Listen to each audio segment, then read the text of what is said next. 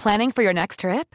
Elevate your travel style with Quince. Quince has all the jet setting essentials you'll want for your next getaway, like European linen, premium luggage options, buttery soft Italian leather bags, and so much more. And is all priced at 50 to 80% less than similar brands. Plus, Quince only works with factories that use safe and ethical manufacturing practices. Pack your bags with high-quality essentials you'll be wearing for vacations to come with Quince. Go to quince.com slash pack for free shipping and 365-day returns. Hey, Dave. Yeah, Randy. Since we founded Bombus, we've always said our socks, underwear, and T-shirts are super soft. Any new ideas? Maybe sublimely soft. Or disgustingly cozy. Wait, what? I got it. Bombus. Absurdly comfortable essentials for yourself And for those facing homelessness. because one purchased equals one donated. Wow, did we just write an ad? Yes. Bombas. Big comfort for everyone. Go to bombas.com slash ACAST and use code ACAST for 20% off your first purchase.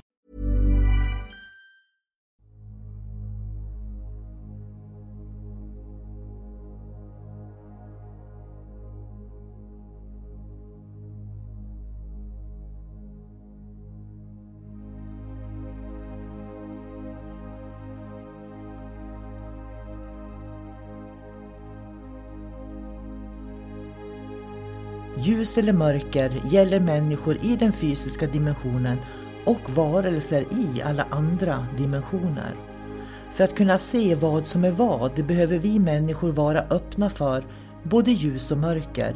Det kräver mod och ett öppet sinne. Ljuset ger oss ljus, värme, kärlek, gemenskap, tillhörighet, vänskap och en massa vackra livsupplevelser. När vi talar om mörkret i podden så är det när vi människor upplever förvirring, kaos, hot, angrepp, manipulation, splittring som bidrar till att man känner sig ensam, isolerad och rädd. Att vara i sin egen kraft är att våga se verkligheten för vad den är och där göra medvetna val. Du kan bara kontrollera din värld, dina känslor, din livsupplevelse och det är att vara i sin egen kraft. Varmt välkommen till podden Kosmiska samtal.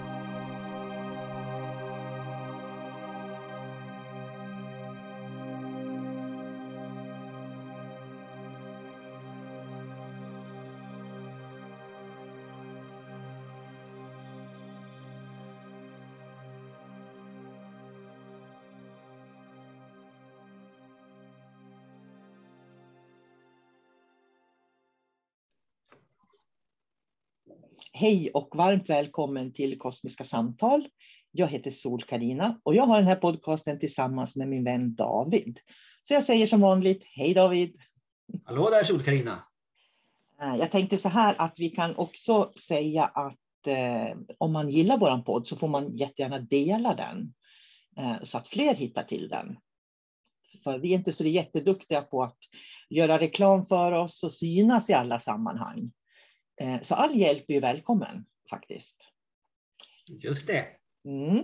Och vi har ju fått ett mejl som jag tycker var så bra, och det tycker du också då, förstår jag, som handlar om uppstigning. Och jag tänkte så här när, eh, när det mejlet kom då och jag läste det att jag trodde folk hade liksom eh, att de var klara med den här delen av verkligheten, men det, det verkar inte så på något vis. Och jag tänkte så här att jag läser igenom den eh, faktiskt och sen ska vi ta upp olika saker i den här som jag tycker är så bra. Eh, det är en kvinna som har en undring kring uppstigen då. Eh, därför att någon hon känner har varit på en utbildning. Eh, och där har man då påstått att eh, läraren på den här utbildningen har då påstått att vissa människor är utvalda människor på jorden som ska träda in i en högre dimension och därmed lämna jorden. Eh, därför kommer de här personerna som inte träder in i en högre dimension att få stanna kvar på jorden och leva i misär här. Och hon skriver så här, för mig låter det som en sekt, inte alls särskilt upplyst. Jag tycker det låter egoistiskt. Har vi inte kommit till jorden för att leva här? Vad är i så fall meningen med livet här om vi ändå ska lämna jorden? Dessutom, om jag nu blir upplyst och träder in i en högre dimension, så ser jag det som en plikt att hjälpa andra till detsamma och inte bara lämna allt och komma till en bättre och vackrare plats. Och det, det här är jättestora frågor, David. Ja, det är det ju. Eh, och det som hon skrev där är att varför ska man överhuvudtaget komma till jorden? För att utvecklas, för att få komma till någonting som man kan likna som paradiset. Om man nu har ett, ett, ett fritt, stort medvetande som flyter omkring, då kan jag välja att vara i paradiset i oändligheters oändligheter. Så att naturligtvis finns det en anledning varför vi är här, skulle jag säga. Det, det är steg ett. Mm. Eh, sen vet ju inte alla varför vi är här, men det vi vet som gäller alla levande väsen är att det finns ju en potential, Alla varelser utvecklas, vare sig de vill eller inte, genom evolution. Så, så får man kunskap, man för en vidare arv, eh, man utvecklas. Jorden, planeter utvecklas, människor utvecklas. Så att det, det, det är liksom eh, naturens gång eller universums gång. Allting utvecklas. Men det, det här är ganska vanligt att, att, man kan höra det inom new age-kretsar till exempel. Att, att det finns en utvald klick med människor. Och, och jag, jag, håller ju fullständigt med den här personen, för jag tror ju att vi är här för att hjälpa varann. Eh, och jag tror inte vi är här för att... Jag tror absolut inte att, att livet, tiden på jorden är en skola för det som kommer sen. För då lever ju inte jag här och nu i så fall. Då lever jag ju för någonting som ska komma sen. Eh, och det, när man pratar om liksom det som kommer sen, så menar jag att det är ju för att man inte kan vara här och nu och njuta av livet, utan man måste inge någon sorts falskt hopp för att man ska klara av det eländet då som är just nu. Men är inte lite grann samma sak som de flesta religioner också går ut på? Ja. Man, man, lever här, man har en, någon typ av eh, skrift eller någonting som berättar vad man ska göra för att få komma till paradiset. Så att det enda man behöver göra är att ha den nära tron och förhoppningen att om jag sköter mig så då kommer jag få det här fina sen. Så att det, det hör lite grann ihop där också. Mm. Eh, att vi pratar om uppstigning nu det, det kanske egentligen bara har bytt skepnad. Förr i tiden så var det många som kanske var i ett kristet sammanhang och så vidare, de hittade paradiset. Eh, men nu har de lämnat det där kristna sammanhanget och så har de börjat undersöka den här delen av verkligheten. Fast de tillämpar ändå samma tekniker. Om jag lever här eh, på mitt sätt, då får jag en uppstigning och då kommer jag till paradiset.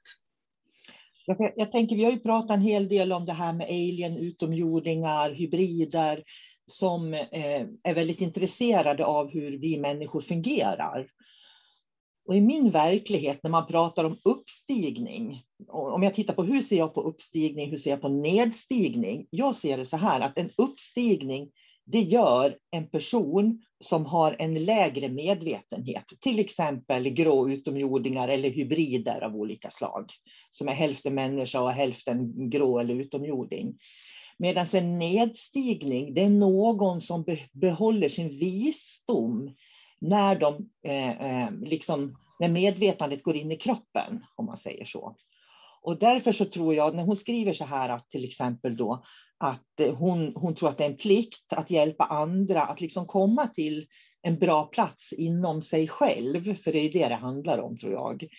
Då, är, då gör man egentligen en nedstigning. Så kvinnan som har skrivit det här, hon har gjort en nedstigning. Hon har liksom behållit på något vis eh, sin, sin visdom när hon manifesterar eh, medvetandet i kroppen. Ja, hon har ju en, en klarhet där eftersom hon inte köper lärarens eh, sätt att, att se på det. Hon mm. köper inte rätt av, utan hon har sin, egentligen sin egen tro redan. Hon behöver inte de här lärarna. Nej, och det är det vi pratar om, det här med att vara i sin egen kraft. För när, när jag har blivit så manipulerad så jag har tappat bort vem jag är, det är ju då man börjar lyssna på den här läraren och följa läraren på något vis. Och, och jag har sett så många exempel på lärare som eh, låtsas, jag skulle vilja säga låtsas ha kunskap för att manipulera människor. Och människor är ju så rädda att de inte ska duga till, att de, att de inte ska göra på rätt sätt. Och då är det lätt att följa sådana här sekteristiska lärare som har åsikt att gör du så här och gör du så här och gör du så här. För det kan man ju se i religiösa sammanhang, sådana här frireligiösa sammanhang. Det här är ju egentligen samma sak. Det skulle lika gärna kunna vara Jehovas vittnen eller Philadelphia eller någonting sånt. En sån här riktigt sekteristisk liten gruppering. Eh, men här är det troligtvis en nyandlig lärare som man pratar om då. Ja, så det är liksom samma tema som, som eh, används igen då? Ja, jag ser det så faktiskt. Det är bara det att det får andra Eh, ja, det, kanske, det är inte inom kristendomen eller inom islam eller inom buddhismen, för det finns i alla religioner tror jag, den här sekteristiska eh, tanken på något sätt. Och sen blir det ju liksom extra kraftfullt också om man befinner sig i en situation där man har många likasinnade. Då är det ju en gruppering och man vill ju inte vara mot den där gruppen. Så även om en del människor har tvivel på, på vad de andra säger, om man har en egen uppfattning och en egen tro, så är det ingen som säger någonting, för man vill inte vara det svarta fåret.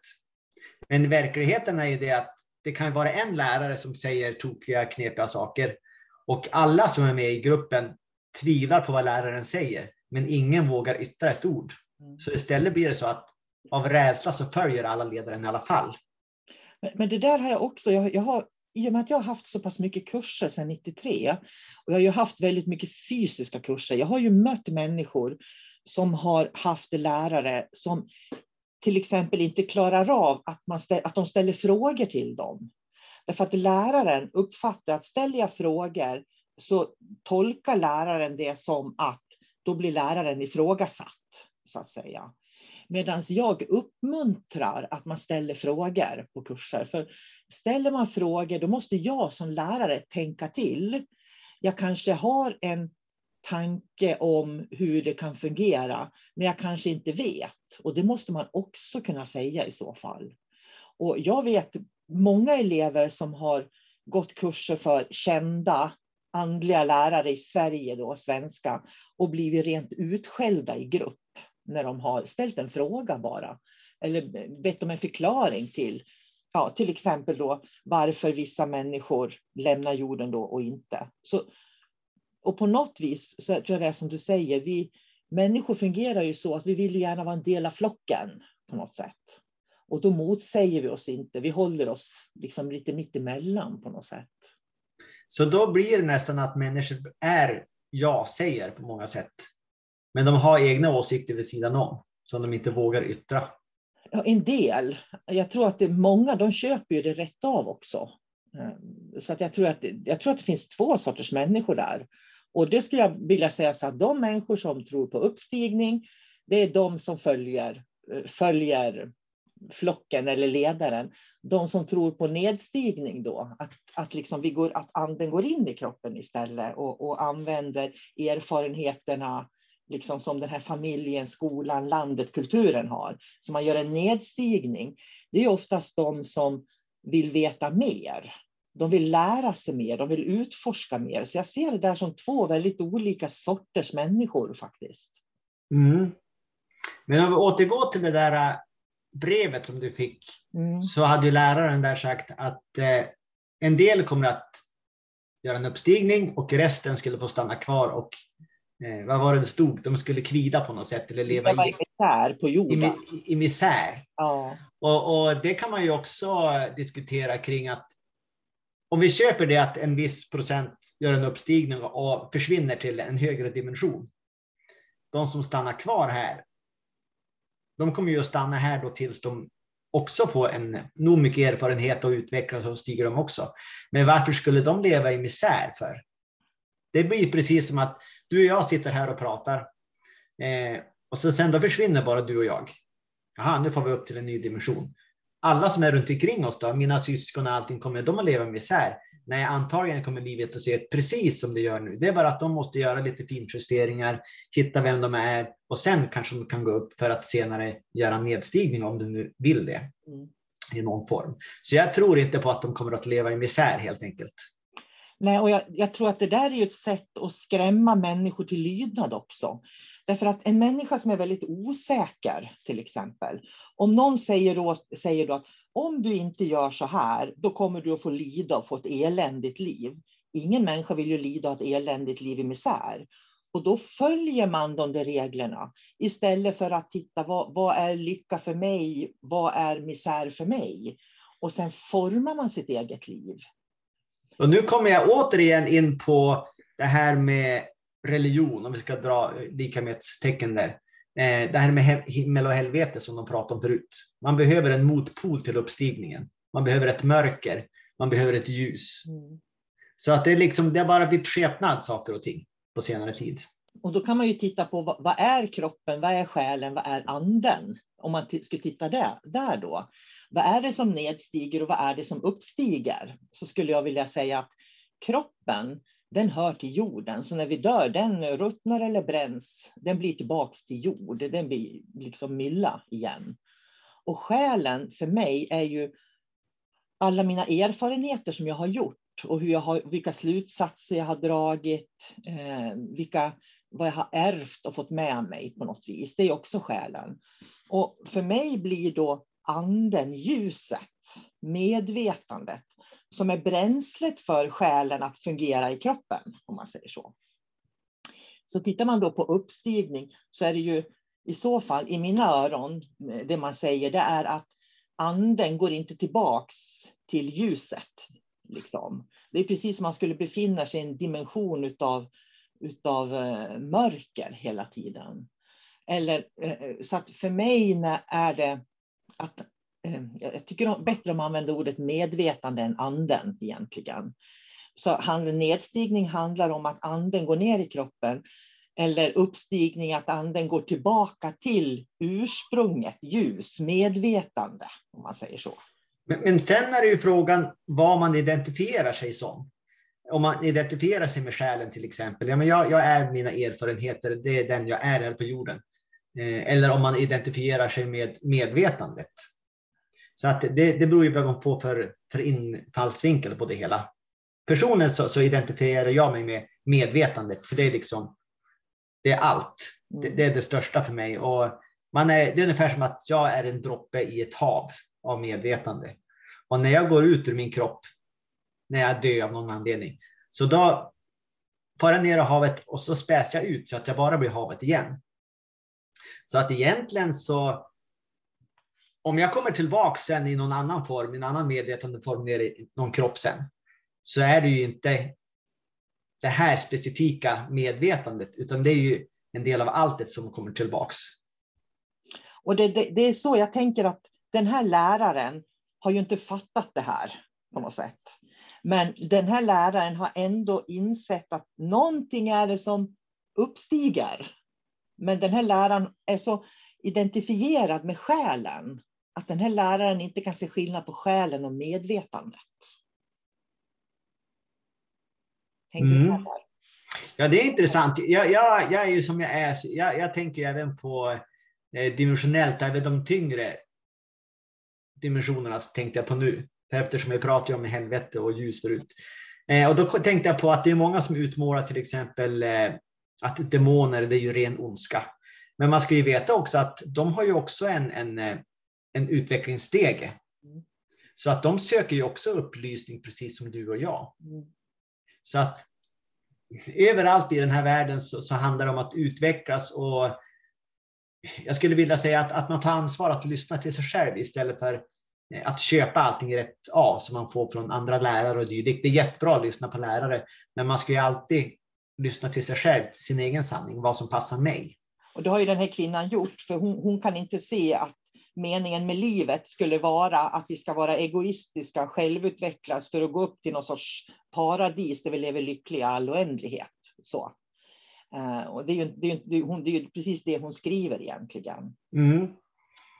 Men det är klart, det måste ju bli svårare att, att utvecklas också om man har eh, den här motpolen, det här mörkret som håller tillbaks en utveckling. Eh, om man har ett mörker som, som influerar människor och lärare som att som väljer att man ska vara trångsynt och inte se uppåt. Det är också en, någonting logiskt. Jag brukar försöka se saker och ting logiskt, vad man har att arbeta med för någonting. Men jag tänker på det här just som du sa, det här med den dimensionella. För mig är ju själen det dimensionella. Det är den dimensionella delen av mig. Det är det som är själen. Det är själen som har alla dimensioner. Och ju mer eh, expanderad eh, själen är, desto mer kan jag ju få kontakt med fler dimensioner. För att kroppen är ju bara en biologisk process. Så skulle jag plocka ur alla erfarenheter ur kroppen och plocka ur medvetandet ur kroppen, så skulle ju det vara en, en bara en biologisk process, ungefär som om vi tänker lite platt då, eh, en blomma, ett träd. Liksom, så. så att det behövs ju någonting mer för att det ska bli levande då. Och det är ju där som jag ser själen kommer in, för själen är alla dimensionerna. Så när vi pratar om, om demoner, de finns ju i själen, precis som ljusvarelser finns i själen. Men går jag ur själens alla dimensioner, då blir det rent medvetande, havet med droppen där, där du förenas. Eller ljus, mm. som jag kallar det för. Eh, eller också har du den fysiska kroppen då, som bara finns i en naturlig eh, cykel som naturen har, om man säger så. Men, men sen måste det finnas någon eh, begränsning i strukturen också beroende på var man är i utvecklingen. Om man till exempel är låt oss säga att det är en varelse som, som har utvecklats till en viss punkt, men de har valt eh, en teknologisk väg att utvecklas på. Man kan ju välja, någonstans i utvecklingen så kan man välja, ska jag gå all in på teknologi eller ska jag gå all in på andlighet? Och vissa utomjordiska raser har valt den här teknologiska utvecklingen, så de är jättebra på allting som har med egentligen 3D-struktur att göra, extremt bra på det. Men andligheten är liksom körd i botten. Och då tänker man, hur tar de sig ur det hela? Och hur mycket medvetenhet kan de dra ner i sina kroppar? För det finns olika mm. begränsningar för hur medvetenhet kan sippra igenom. Och det där är intressant, för jag tror att medvetandet, om du tar en, en myra, en hund, en elefant, en människa, så är det ju former, biologiska former. Och medvetandet som då Eh, går in i de här biologiska formerna för att skapa någon typ av medvetenhet, om man säger så, är ju beroende av hur mycket medvetenhet som får plats i själen då, på något sätt. Så att det, det är ju själens form som påverkar medvetenheten. Och då tänker jag så här också. Eh, för jag tror inte det finns något bra eller dåligt i dimensioner. Det finns inga dåliga dimensioner, det finns inga eh, jättebra dimensioner, utan på något vis så, så är alla dimensioner rätt där de är, om man säger så. Jag ser vad det var jag ville komma till för poäng här nu då. Jo, det är att när vi pratar om karma, karma betyder ju agera, action, att det händer någonting. Så varje gång vi får en erfarenhet så startar vi ju igång en process på något vis kan man säga. Och det är ju där våran själ växer som gör att mer medvetande kan gå in i kroppen. Eh, och, men det är också där som vi kan få erfarenheter som, som, gör, som, det med, som stryper platsen för medvetandet att vara på i kroppen också, om man säger så. Och jag ska försöka, och det, det, är inte så enkelt att bara sitta och prata om det här för att förklara det, för, för det är så intressant det här. Det är därför som en, en hund till exempel har oftast inte en egen vilja, den går mer på instinkt. Medan en människa går, som inte är för mycket 3D, går på eh, viljekraft. Men är man för mycket rovdjur så kan man gå på instinkt istället då. Och det hör ihop med det vi kallar karma. Och jag tänker så här också, för när medvetandet expanderar, för mig blir det som ringar på ett träd, du vet.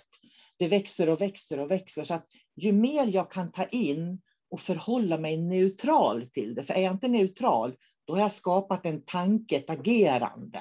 Om man säger så. Jag har gått utanför här och nu-zonen och tiden.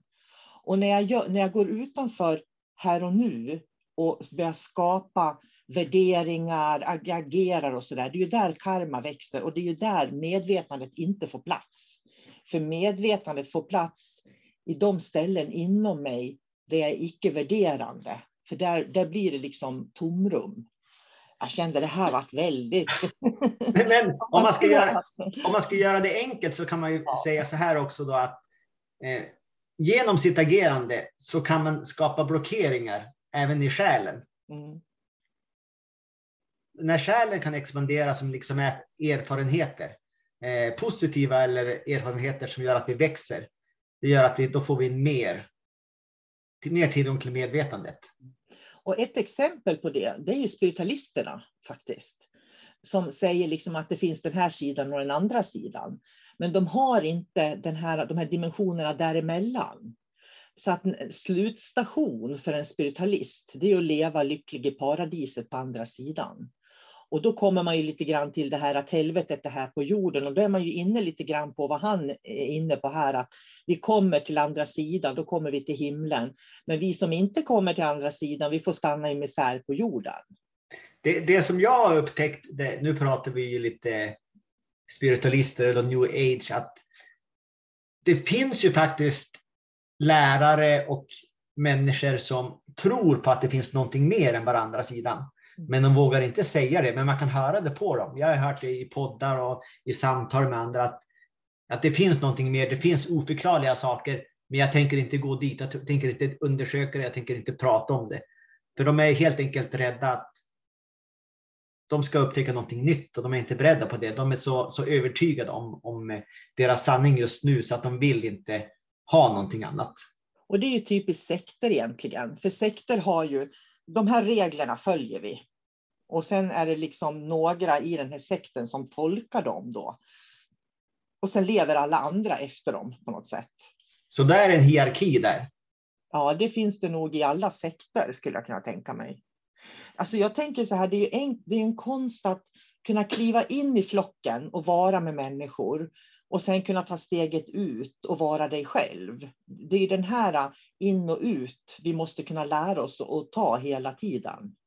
Ja, men jag menar, det behöver ni inte göra i stora folksamlingar heller, utan i sekter. Eller, det räcker ju att fara och hälsa på en kompis mm. hemma. Ni ska dricka kaffe tillsammans. Men ni kan tycka väldigt mycket olika om, om saker och ting. Oftast så går ni inte in och, och diskuterar sådana ämnen som gör att ni blir eh, ovänner.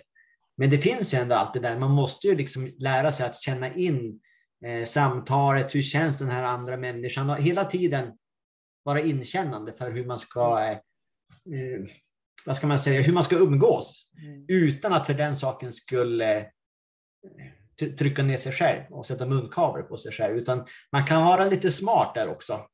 Vad ska jag säga? Vad ska jag inte säga?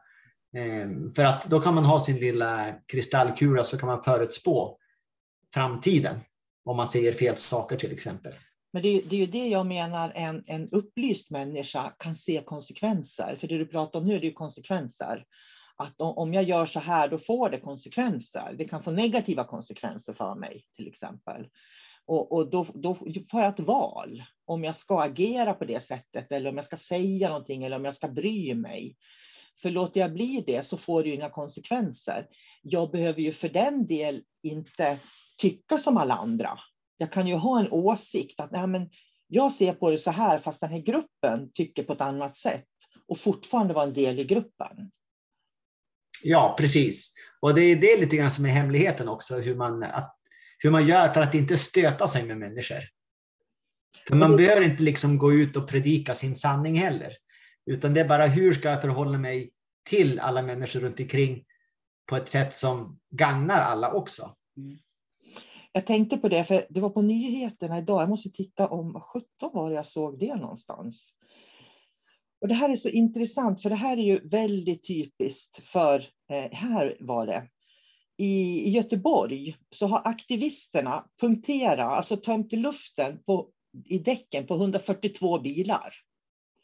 Och anledningen till att de har gjort det, det då har de satt på en lapp sen, att det här, ta inte det här personligt, men din bil är en bränsleslukare. Och sen har man då eh, tömt luften i däcken. För mig är det här det absolut sjukaste man kan göra. Därför att här skadar du andra människor, det får konsekvenser. Jag kanske inte kommer i tid till jobbet mitt barn kanske inte kommer i tid till skolan och vi har ingen aning om vad det får för konsekvenser när 142 människor inte kan köra iväg sin bil på morgonen. Till exempel. Tänk om till exempel eh, man blir biten av en eh, huggorm, så får man en allergisk reaktion och nu måste jag snabbt som tusan in till eh, Lassa. Nej, jag har punktering. Och sen dog mitt lilla barn där för att vi inte tog oss ja. in. Eller en läkare som har fått en akut utryckning. Ja. Därför att det är någon som det hänger på håret om de ska kunna hjälpa en person. Och så är bilen, har bilen punktering. Det är det här jag pratar om, att en människa som är upplyst skulle veta att så här gör man inte. En människa som har en väldigt låg medvetenhet straffar alla andra för att, för att deras åsikt är den sanna. Problemet är ju att aktivister överlag anses ju vara väldigt upplysta. Men jag skulle säga att de är bland de minst upplysta egentligen, för de har en liten de zoomar in hela sin verklighet på ett litet, litet, litet område och så kör de all in där. Mm. Och så antingen tycker ni som mig eller också sen ni mina fiender. Det, det är det aktivist är för mig just. Mm. Man ser aldrig till helheten, man ser aldrig till eh, framtiden, till konsekvenser som du säger, utan det är bara jag, jag, jag, jag ja, nu ska jag göra något extremt så att mina extrema kompisar ska se att jag är extremast. Mm. Och det är det jag menar med en människa som är upplyst, stannar kvar och hjälper andra människor att komma till den plats de själva är. Så jag tänker att de här nu då som har tömt bildäcken på luft, tänk om de lärde sig att prata, samtala med människor, så tror jag att de skulle kunna övertyga fler människor om de kunde prata och kommunicera med dem, eh, än att eh, de eh, saboterar deras liv, om man säger så.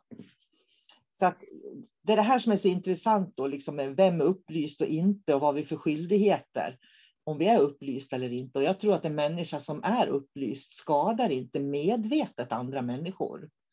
En, Nej. en människa som har upplysning försöker inte på något sätt få andra människor att byta trosystem till exempel. Jag tror men, det. men det här är ju intressant. Det här är ju vad, vad du och jag tycker. Ja. Eh, det är vår erfarenhet. Men om man backar bandet lite grann och så tar man fram en, eh, en människa som skär sönder bildäck som vi pratade om. Mm. De tycker ju att de är mest upplyst och att du och jag, vi är ju vi har ju väldigt låg medvetenhet. Så vem har rätt och vem har fel? Det är därför man bara kan leva som man lär. Jag kan leva, jag kan försöka leva det jag tror är sant. Så jag menar, då, då köper jag en bil som inte är bensinslukande till exempel. Eh, och så kör jag omkring med den och så visar jag att det går jättebra att köra en sån här bil till exempel. Jag kanske pratar med folk. Jag kanske blir bilförsäljare och säljer bra bilar till och med. Det finns så många sätt man kan göra det där på utan att tvinga andra människor. För då kommer man tillbaka till det där att, att det blir sekteristiskt, därför att det ska vara på ett visst sätt och vi har rätt och de har fel. Och det fråntar inte att eh, jag tycker man ska ha eh, åsikter. Så man kan absolut ha åsikter och ta ställning och tycka saker. Men man, ska, man, och man kan berätta om det, man kan prata om det. Så här tycker jag, ungefär som den här läraren har gjort här nu. Då. Jag tänker på om vi går tillbaka till det, som menar på att vissa människor då är utvalda att få lämna jorden och komma till paradiset. Typ. Då kan man faktiskt sitta på den kursen och så kan man tänka så här att ja, men det är helt okej okay för den läraren att tro det, men jag tror inte på det. Därför att det andra, nästa steg, så kanske läraren pratar om någonting som jag tycker faktiskt är intressant också. Ja, och sen är det också så att om, om läraren pratar om någonting som du inte håller med om, så är det jätteviktigt att ta del av den personens kunskap. Mm. För då utvecklas du också som människa. Jaha, han tänker så. Varför tänker han så? Jaha, och så får man en inblick i mm. den personens dens åsikt. Och då börjar du förstå mer om dig själv också. Mm. Så ta in så mycket olika åsikter, olika kunskaper som möjligt. För det kommer du att tjäna på i slutändan. Ja, och skulle det vara så att, eh, att läraren inte klarar av att man ställer frågor, då är det också, måste man ju acceptera det också. Och nästa gång välja en bättre lärare som eh, öppnar upp klimatet för att ställa frågor och för samtal och diskussioner. Jag, jag har varit med om på kurser, det är jätteintressant, när jag haft kurser att eh, om jag inte kan känner att jag har tillräckligt mycket kunskap om någonting eller inblick i någonting Och jag säger det, då finns det alltid någon på kursen som kan ge ett annat perspektiv. Ofta är det så. Därför att alla människor är tänkande människor. Alla människor har en egen idé om hur saker och ting fungerar. Det är jag övertygad om att man har, om man tillåts lyfta fram det. Sen kan det bara vara en tanke eller en spekulation man har. Det behöver inte vara så att jag tror att det är så här, men det är mer att kan det vara så här? Så det där öppna klimatet, det tror jag är viktigt faktiskt. Ja, om man ska utvecklas så måste det finnas ett öppet klimat. För annars det, finns det ju absolut ingen grogrund för att ta in den större sanningen. Ja, och ska vi knyta ihop det här så, så håller vi med henne att det är egoistiskt att tänka så. Därför att alla människor, eh, jag menar, man kan ju tycka liksom att okej, okay, jag, jag räddar mig själv. Men det kanske man måste göra i en krigszon. Då kanske du måste rädda dig själv, till exempel. Men, du behöver, men i det vanliga livet så tycker jag vi ska hjälpa varann när vi ser att medmänniskor behöver stöd. Så jag, jag, tror liksom att eh, meningen med livet på något vis, det är att vi ska njuta av livet här och nu. Och lära oss att hantera våra tankar och känslor så att vi inte ramlar in i lidande av olika slag. För, att för mig att ha den här tron att man ska göra uppstigningar, så sköter jag mig tillräckligt väl så får jag göra en uppstigning till exempel. För mig handlar det om att man skapar en massa skuld hos människor och stress. Varför istället inte bara säga stanna upp ett ögonblick och fundera på hur du vill leva ditt liv här och nu och börja forma det så istället. Istället för att fundera vad som händer sen när du dör. Liksom. Ja, det, det som jag oftast lär ut när jag pratar med människor, det är också det att för det är väldigt många som, som vill hjälpa andra. Det är deras uppdrag här i livet att ja, men jag vill ju hjälpa andra eh, som har det svårt. Och då brukar jag säga då, så att det första du ska göra om du vill hjälpa andra, det är att hjälpa dig själv. Det är det absolut viktigaste. Att du tillåter dig själv att du, att du ska få lägga fokus på dig, för det är väldigt svårt för många människor. Nej, men inte kan jag lägga fokus på mig och min utveckling när det finns andra som lider. Ja, men vänta nu. Om du lägger fokus på dig, du utvecklas, du börjar må bra, då kan du ta steget vidare och hjälpa människor på ett sätt som gör skillnad också.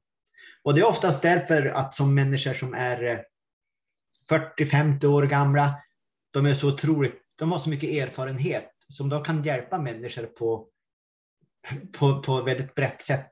På väldigt många olika sätt så kan de hjälpa människor i sin omgivning. Och de behöver inte alltid säga så mycket, utan de behöver bara finnas där och visa vägen för andra. För, för att de har den erfarenheten. Men det, det, jag tänker så här, det är ju skillnad på hjälpa och hjälpa. För om du ser en människa som lider så kan ju du aldrig hjälpa en människa att sluta lida. Det går inte. Det måste de liksom, eh, den vägen måste de hitta själv. Men jag kan hjälpa dem att, att eh, känna trygghet just nu. Jag kan finnas där, jag kan prata med dem. Det finns så mycket jag kan göra för att hjälpa dem. Men jag kan inte ta bort deras känslor. Jag kan inte ta bort deras tankar, för det måste de göra själv. Så att lidandet för mig är någonting vi själva måste lära oss att hantera, om man säger så. Men sen kan vi hjälpa varandra så att, eh, så, att eh, så livet blir enklare. Ja, så att det blir uthärdligt helt enkelt. Ja. Man känner att man har ett sammanhang. Mm. Eh, det räcker med att komma hem till någon och som jag sa förut, dricka en kopp kaffe så känner man sig att men jag har, här har jag en kompis. Mm. Eh, och det kan få en människa att orka stiga upp nästa dag och fortsätta sin resa. För då känner man sig nöjd. Så den stunden som jag sitter där och dricker kaffe med min kompis, då känner jag mig nöjd. Livet är bra. Och jag tror att den kontrasten till de här ögonblicken när man lider är viktig. För någonstans så måste jag säga att oj, så här upplever jag lidandet och så här upplever jag eh, när jag njuter av livet. Och det gör att nej, men jag vill njuta mer av livet. Och sen börjar man eh, liksom ta, ta, ansvar för sina känslor på något sätt. Och tankarna man har då. Mm. Eh, har vi betat av allting i det här brevet? Ja, jag tror det faktiskt. Fast jag, helt ärligt skulle jag vilja säga att jag skulle vilja rekommendera dem att gå en kurs i, till esoterisk rådgivare, för där går vi igenom det här väldigt systematiskt. För det jag kan se när man får mejl, är att människor tror att de har en fråga. Och så tror de att man kan svara på det i en fråga. Och det är inte alltid så enkelt, även om jag är väldigt tacksam att hon skickade det här brevet. Då. Vi har ju fått mer brev, så vi har ju fått vi har ju mer mejl som vi ska liksom titta på. Så där. Men jag vill också skicka med att det inte är enkelt. Det finns inte ett, ett svar att så här är det och så här fungerar det. Eh, utan det är komplicerat att vara människa. Och... Det är komplicerat och man måste öppna upp sitt dimensionella tänkande för att lösa saker och ting. För ser man bara genom de här tredimensionella ögonen eh, så kan vi aldrig hitta lösningen på problemet. Utan man måste expandera och kunna vända och vrida på allting. Och då blir det så fint, jag tänker två ord som fanns med här, då, det här med egoism. Ja, egoism är ju ett sätt att stänga egentligen. Medan upplysning är ett sätt att öppna upp. Så så kan man ju också tänka. Eh, så att därför vinner man nog mer på att öppna upp än att vara egoistisk i längden. Vad tror du David, ska vi knyta ihop podden? Ja, men jag tror att det är bra så här. Mm. Eh, tänk vad ett litet eh, mail kan åstadkomma. En hel podd. Ja, fantastiskt. Så vi tackar henne så otroligt mycket för att hon delar med sig och att verkligen hon ska fortsätta att tro på sin egen intelligens, tycker jag. För den, hennes slutsatser är jättebra i det här mejlet. Och det är det som är så kul när man får mejl. Först kommer frågeställningen, allt det där som förvirrar dem. Och sen kommer oftast lösningen. Så människor har oftast lösningen själv, faktiskt. Mm. Det är min erfarenhet också. Mm. Att de flesta vet egentligen. Ja. Det, det handlar bara om att de ska våga tro på sig själva. Ja, och få bekräftelse att jag inte är tokig. Det finns fler som faktiskt ser, ser det på det här sättet också. Mm. Jättebra. Ha det bra då så hörs vi. Detsamma. Mm. Hej då. Hej då. Here's a cool fact. A crocodile can't stick out its tongue. Another cool fact, you can get short-term health insurance for a month or just under a year in some states. United Healthcare short term insurance plans are designed for people who are between jobs, coming off their parents' plan, or turning a side hustle into a full time gig. Underwritten by Golden Rule Insurance Company, they offer flexible, budget friendly coverage with access to a nationwide network of doctors and hospitals. Get more cool facts about United Healthcare short term plans at uh1.com. Imagine the softest sheets you've ever felt. Now imagine them getting even softer over time. That's what you'll feel with Bowl and Branch's organic cotton sheets. In a recent customer survey, 96% replied that Bowl and Branch sheets get softer with every wash. Start getting your best night's sleep in these sheets that get softer and softer for years to come. Try their sheets with a 30-night guarantee. Plus, get 15% off your first order at bowlandbranch.com. Code BUTTERY. Exclusions apply. See site for details.